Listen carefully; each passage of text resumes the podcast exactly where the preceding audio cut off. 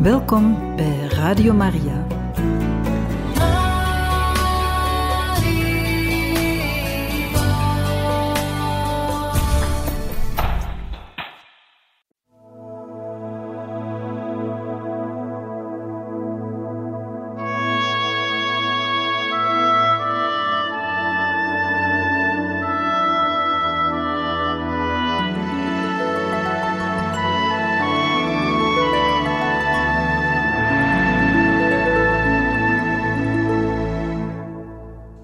Beste luisteraars van Radio Maria, in dit programma Heilige Getuigen gaan we verder met de lezing van het boek over Johannes van het Kruis, met de titel Geboren uit Gods adem en geschreven door Crisogono de Jesus. We zijn ondertussen gekomen bij het hoofdstuk 16, de geschriften, bij het onderwerp losse briefjes en het vegamen. Veel luisterplezier.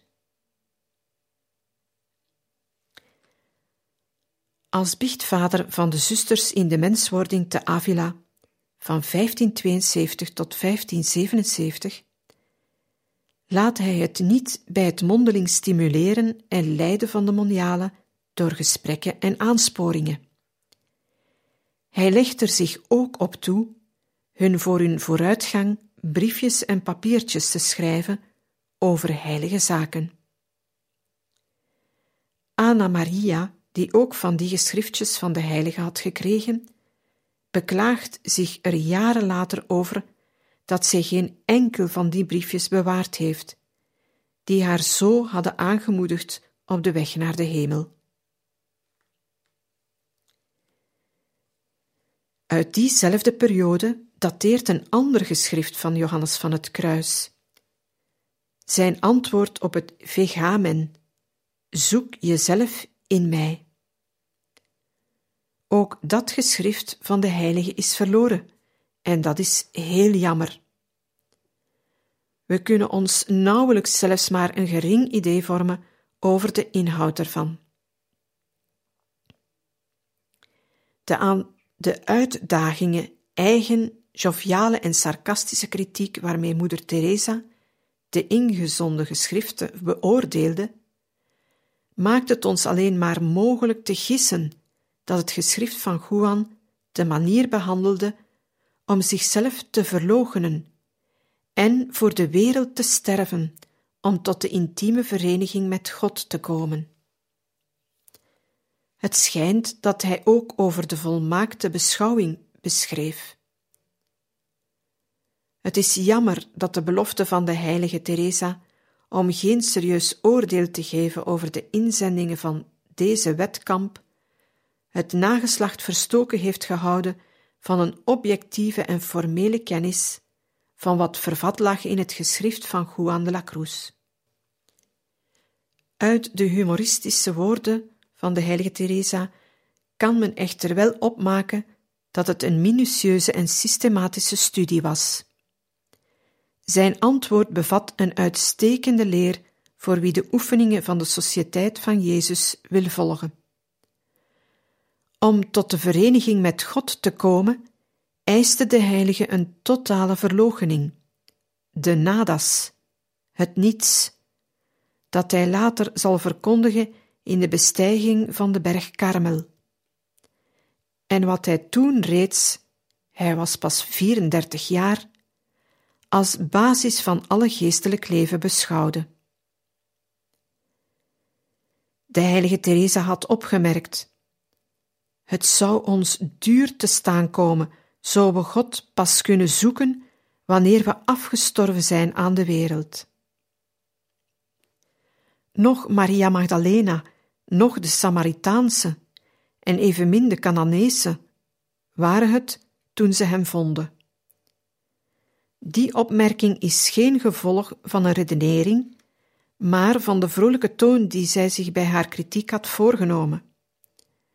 Ze moest bij alles een maar zetten, en ze zou die hoe dan ook gevonden hebben. Men zou mogen zeggen dat dit oordeel van de heilige Teresa, in serieuze taal vertaald, zou kloppen met dat andere oordeel dat zij herhaaldelijk gaf. Pater Johannes van het Kruis is een hemels en goddelijk man.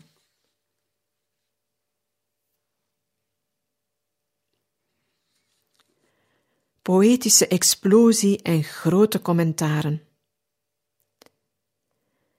De eerste geschriften van Johannes van het Kruis die bewaard zijn gebleven, zijn van poëtische aard en stammen uit zijn gevangenschap in Toledo. Wanneer men de geschiedenis van die gevangenisperiode bestudeert, kan men nu vaststellen welke de gedichten waren die hij daar gemaakt heeft. Ze zullen een prachtig vertrekpunt zijn voor heel zijn oeuvre. Alsof zijn grote verhandelingen, waaraan die poëtische explosie voorafging, slechts de rijpe vrucht waren die hij tussen de bloemen van zijn onvergelijkelijke versen geplukt had. Juan begint, pas uit zijn kerker, met het redigeren van zijn grote verhandelingen in het klooster Calvario.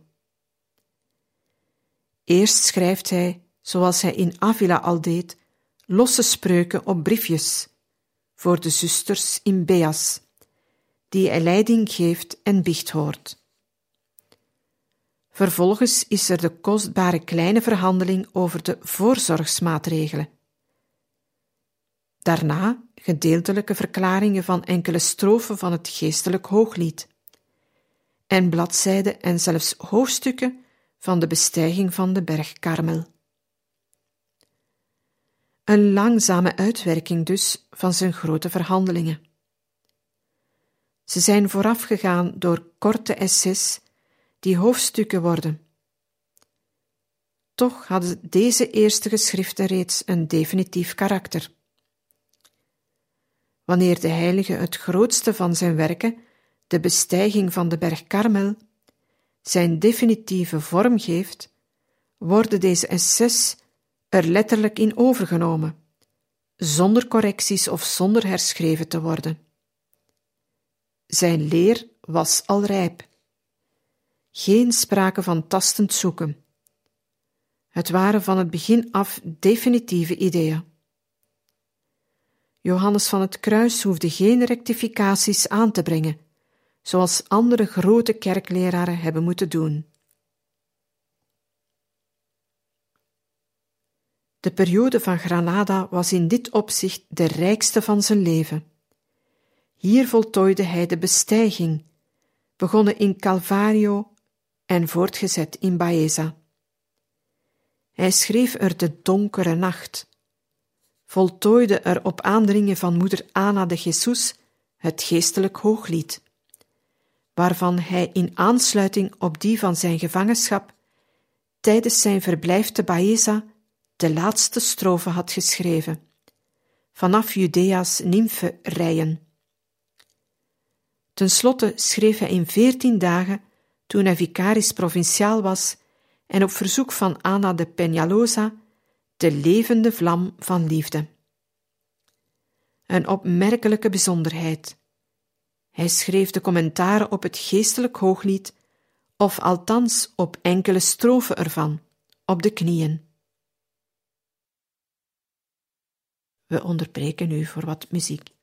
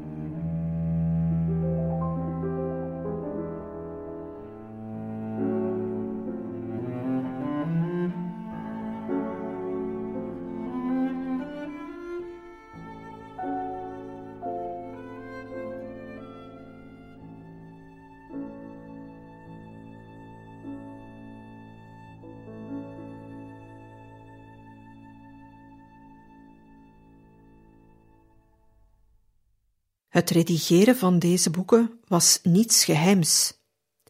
De religieuzen in zijn klooster zagen hem schrijven, zoals Juan Evangelista en Balthasar de Jesus. De schrijver gaf zijn boeken niet in het verborgene en heimelijk door aan de personen voor wie ze bestemd waren. Toen hij in Granada was, maakte men er afschriften van in het klooster. En die kopieën werden genomen van het origineel van Pater Johannes van het Kruis. Ze deden de ronde onder de kloosterlingen. Het staat zelfs vast dat de heilige auteur zijn geschriften zelf verklaarde voor de kloosterlingen. Vooral het boek van de bestijging, dat hun moeilijk te begrijpen leek. Hieronder volgt een belangrijk document dat bijzonderheden van het grootste belang onthult in verband met dit probleem. Het is van pater Balthasar de Jesus, medebroeder van Johannes van het Kruis in Granada, in de tijd dat die daar zijn boeken schreef.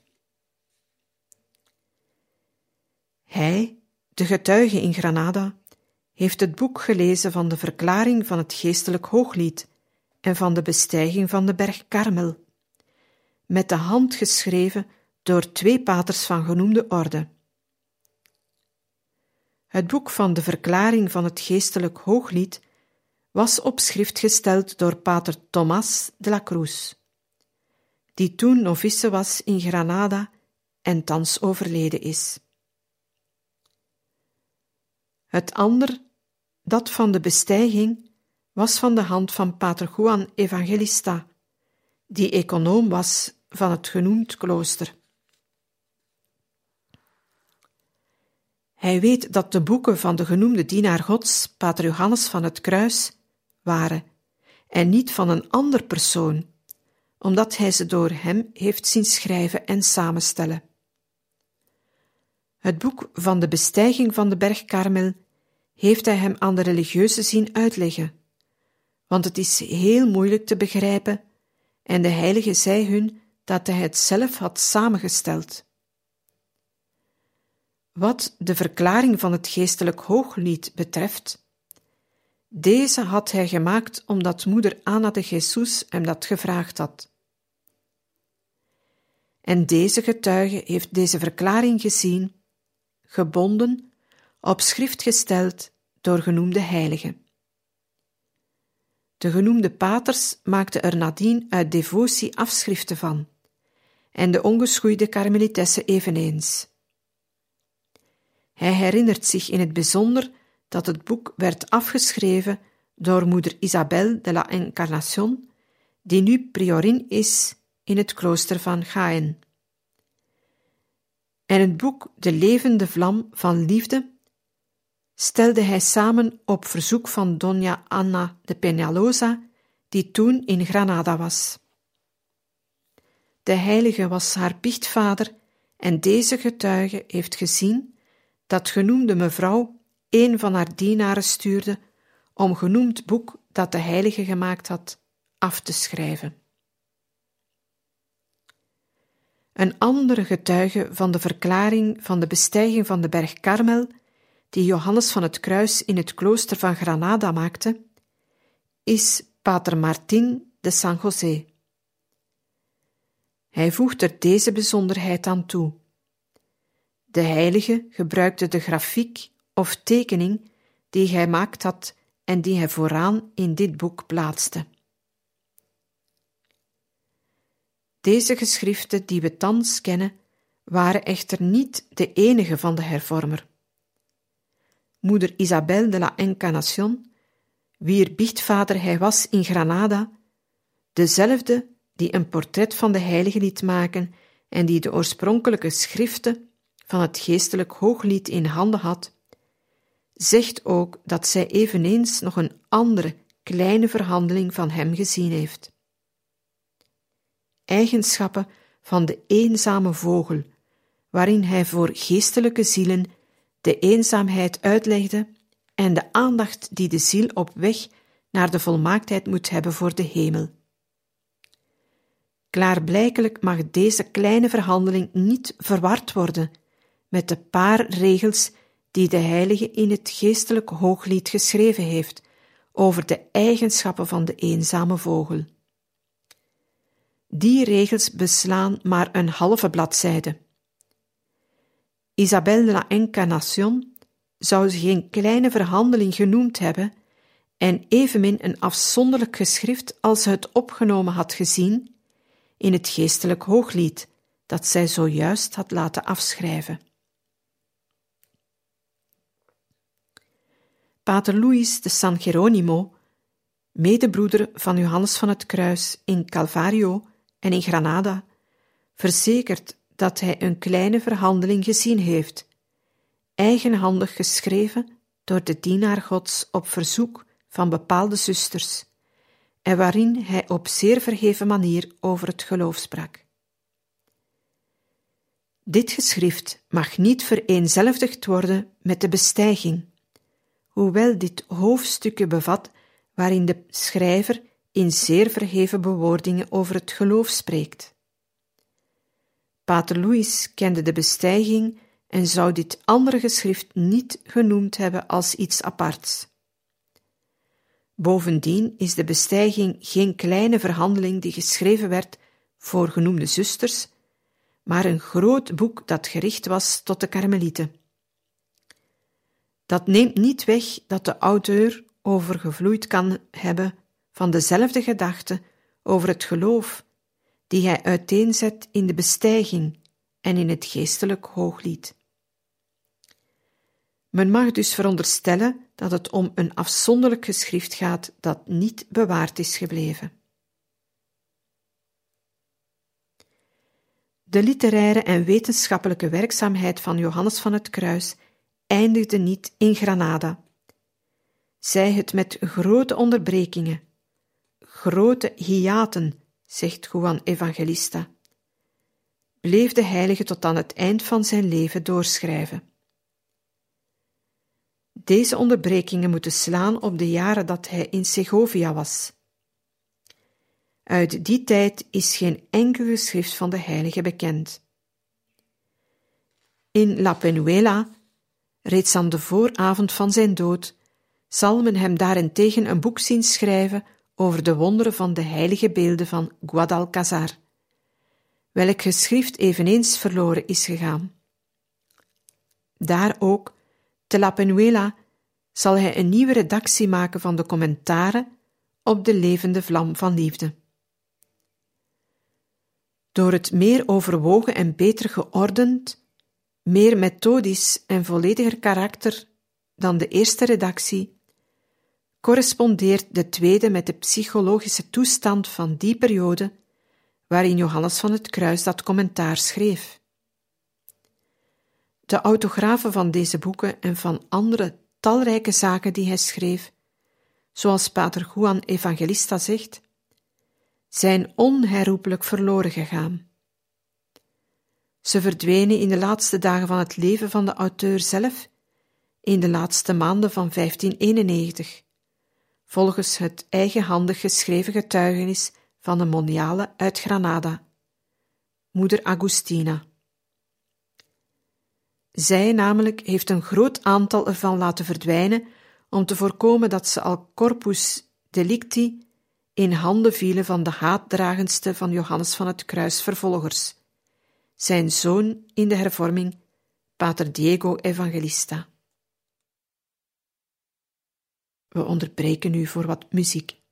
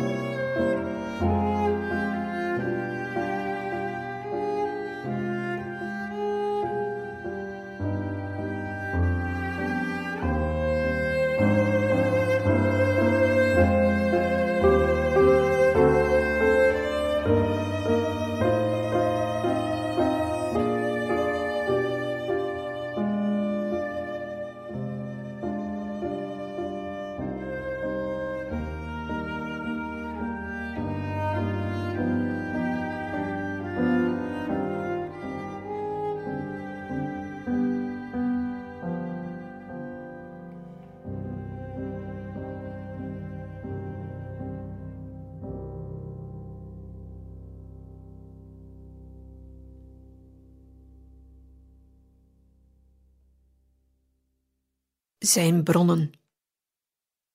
Sommige van zijn tijdgenoten en bepaald slecht ingelichte schrijvers uit de 20e eeuw hebben de heilige Johannes van het Kruis tot een geïsoleerd staande monoliet van de mystieke literatuur gemaakt, die geen enkel contact had met de schrijvers die hem waren voorafgegaan.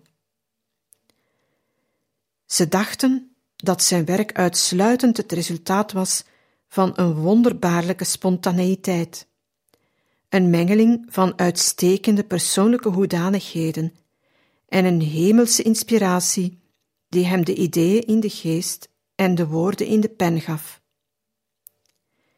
In tegenstelling tot hun opvattingen kan men tegenwoordig namen en boeken signaleren die invloed op hem hebben gehad.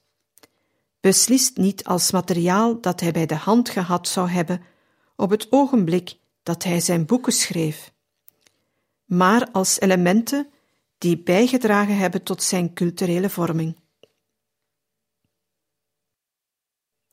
In zijn geschriften is een haast totaal ontbreken van aanhalingen merkbaar, met uitzondering van de Heilige Schrift.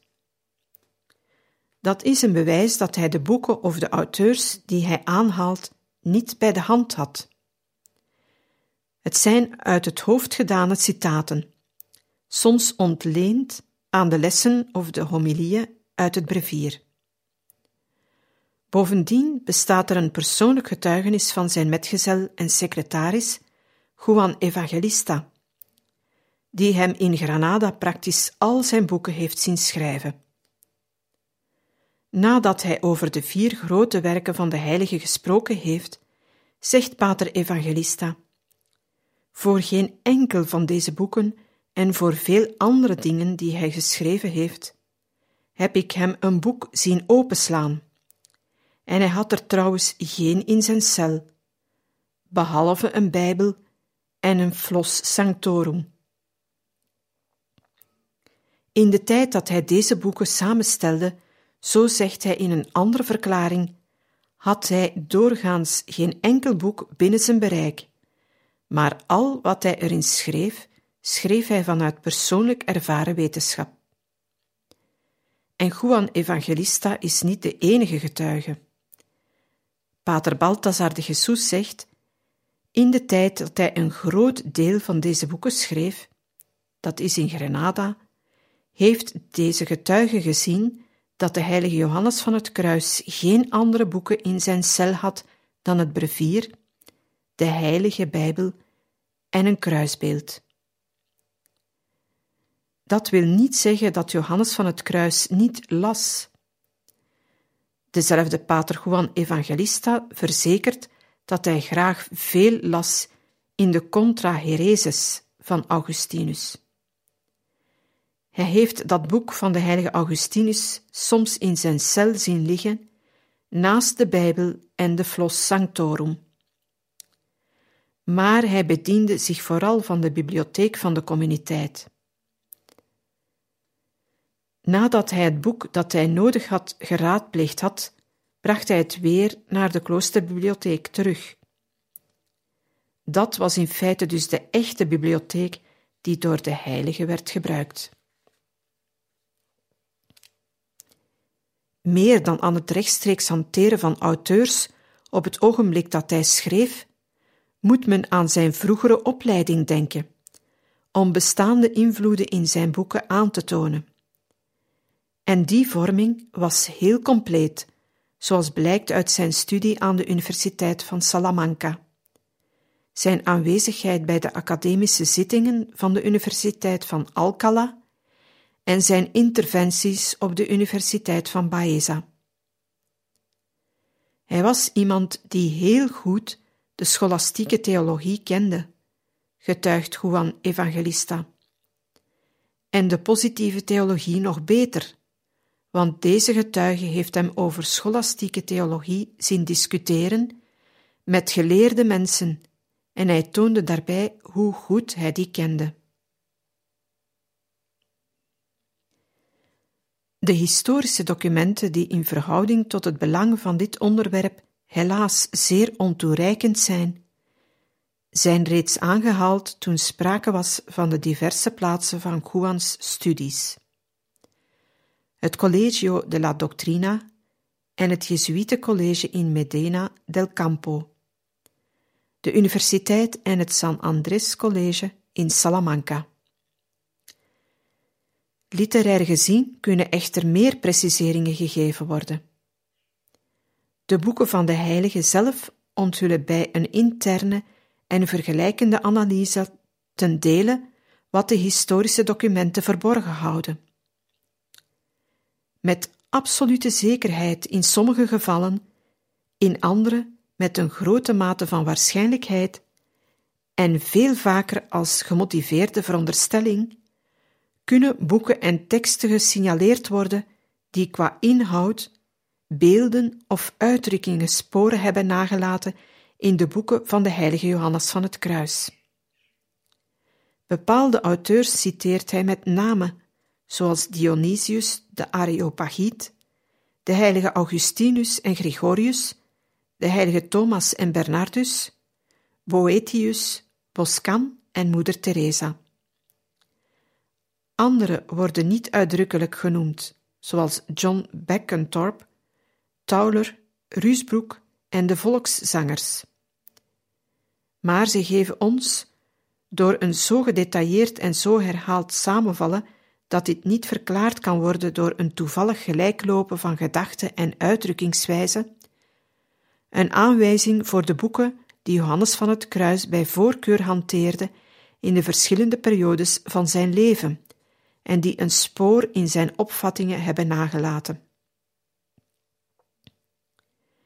Hierbij moet echter opgemerkt worden dat dit slechts stof van weinig belang was, ver verwijderd van zijn werk, en dat deze bronnen er niets wezenlijks toe bijgedragen hebben. Ziel en bijzonderheden van zijn leer moet men in zijn eigen geest zoeken, want zijn werk is allereerst een ervaringsgegeven. Dit is het element dat door de auteur zelf gesignaleerd wordt. Buiten de Heilige Schrift, waarin hij als goed theoloog de degelijkste bevestiging van zijn onderrichtingen terugvindt, signaleert hij geen enkele andere bron voor zijn werken dan zijn eigen ervaring en die van anderen, samen met de kennis die nodig is om alle elementen die daarmee meespelen te onderscheiden en te waarderen. We onderbreken nu voor wat muziek.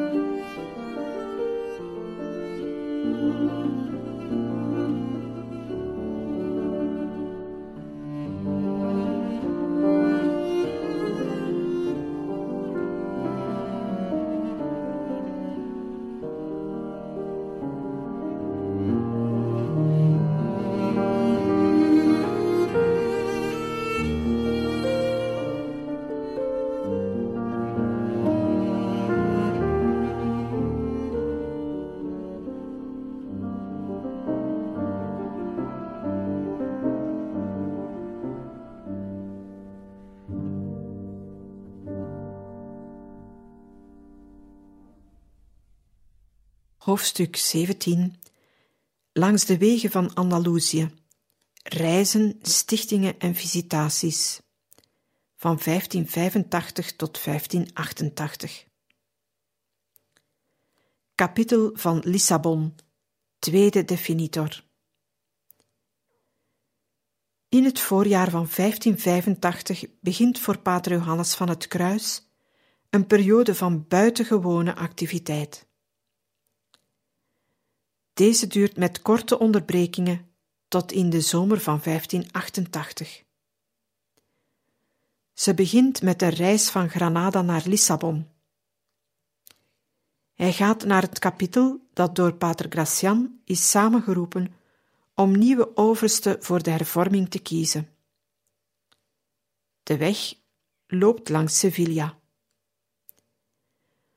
Op 10 mei is hij al in de Portugese hoofdstad als een van de capitulanten die de vergadering vormen, en de elfde wordt hij tot definitor gekozen.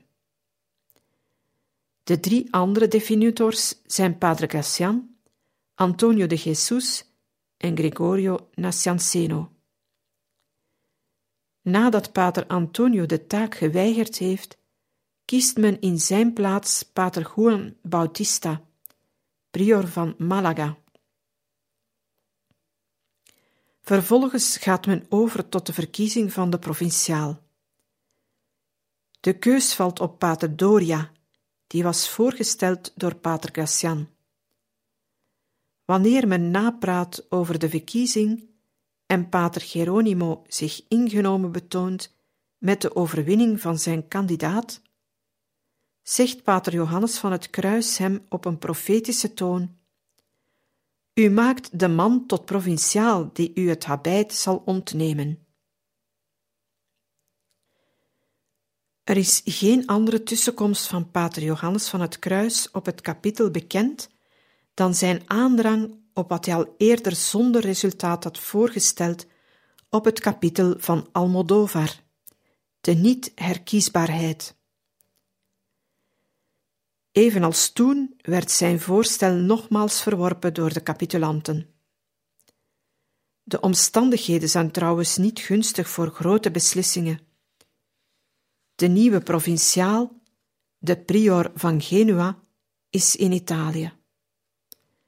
Men moet wachten tot hij in Spanje terugkomt en de vergaderingen kan voorzitten. Het kapitel wordt dus geschorst en men stuurt pater Fernando de Santa Maria als gelastigde van het kapitel om pater Doria het officiële bericht van zijn verkiezing te melden, zijn komst naar Spanje voor te bereiden en zelf ginds te blijven om hem daar zo nodig te vervangen. De gestigmatiseerde non van Lissabon. Tijdens zijn verblijf te Lissabon gaat Pater Johannes van het Kruis wandelen langs de kust van de zee, bij de Atarazanas. Hij neemt de Bijbel mee en daar, alleen, tegenover de onmetelijke uitgestrektheid van de Atlantische Oceaan, leest hij en geeft hij zich over aan zijn mystieke beschouwingen. Pater Agustin de los Reyes, een der capitulanten, verrast hem daar een keer en vraagt hem mee te komen om zuster Maria de la Visitation te gaan bezoeken, een religieuze van het Dominicanesse klooster van de Annunciatie, wier wondertekenen de wereld in bewondering houden. Verbijsterd spreekt men over de wonderen die in haar bewerkt worden. Zij heeft wonden aan de voeten, aan de handen en aan de zijde. Ze zegt dat zij s'avonds, als het gebedsuur slaat, de pijnen van de doornenkroon in het hoofd voelt. Men vertelt zelfs over vervoeringen en verheffingen, terwijl haar lichaam omgeven is door een mysterieus licht. Dat alles is door eminente personen reeds goedgekeurd als komende van de Goede Geest. Maar Pater Johannes van het Kruis heeft zich, zonder dat hij de religieuze gezien heeft, al een oordeel gevormd. Hij antwoordt op de uitnodiging van pater Augustin: Loop heen, waarom wilt u naar bedrog gaan kijken? Zwijg, u zult wel zien hoe de Heer het zal ontmaskeren. En terwijl pater Augustin de gestigmatiseerde non gaat bezoeken, blijft pater Johannes van het Kruis alleen, met de Bijbel in de hand aan de oever van de zee. Het is niet de enige uitnodiging die hij krijgt om naar het Annunciatieklooster te gaan. Bij zijn vertrek uit Granada hebben religieuze en wereldlingen het hem al uitdrukkelijk gevraagd, onder meer de licentiaat Juan de Morillos Osorio, auditeur van de kanselarij. Het leek zelfs een soort dwaasheid naar Lissabon te gaan en geen bezoek te brengen aan de gestigmatiseerden. Vooral de capitulanten vragen het hem met aandrang. Ze zijn haar alle gaan bezoeken. Sommigen, zoals pater Ambrosio Mariano, prijzen haar aanhoudend en betreuren het dat pater Juan weigert om er naartoe te gaan. Ze vinden het vervelend, die houding, en pater Ambrosio Mariano kan op een dag niet anders dan hem toevoegen: Ze is niet van jouw geest, hè, en daarom wil je haar niet bezoeken. Ondertussen passeren alle capitulanten de een of andere dag bij het Annunciatieklooster. Sommigen gaan er prat op dat ze een of andere reliquie van de religieuze hebben gekregen. Juan blijft onverstoonbaar bij de veelvuldige aandrang die men op hem uitoefent. En tot verbijstering van iedereen verlaat hij Lissabon, zonder een voet in het slot van het Dominicanese klooster te hebben gezet. Terug in Andalusië verneemt hij dat zijn metgezel, pater Bartolomé de San Basilio, gewoon beladen met reliquieën is teruggekomen, met bloed bevlekt linnengoed, flesjes vol water van haar handen, afbeeldingen van de wonden. Hij laat hem alles wegwerpen. Wanneer hij in zijn klooster Los Martires komt, verdringen zijn medebroeders zich om navraag bij hem te doen over de moniale en hem reliquieën te vragen. Ik heb haar niet gezien en ik heb ook niet geprobeerd haar te zien, omdat het wel treurig gesteld zou zijn met mijn geloof als ik dacht dat het maar een stipje groter zou worden door zoiets gezien te hebben. Later, toen het bedrog ontdekt was en openbaar gemaakt door de Inquisitie, spreekt Juan meer vrij uit en horen zijn medebroeders hem in de tuin van Granada vertellen dat hij haar niet was gaan bezoeken, omdat hij wist dat haar geest niet goed was, hoewel hij dit niet in het openbaar had willen zeggen om haar niet in discrediet te brengen.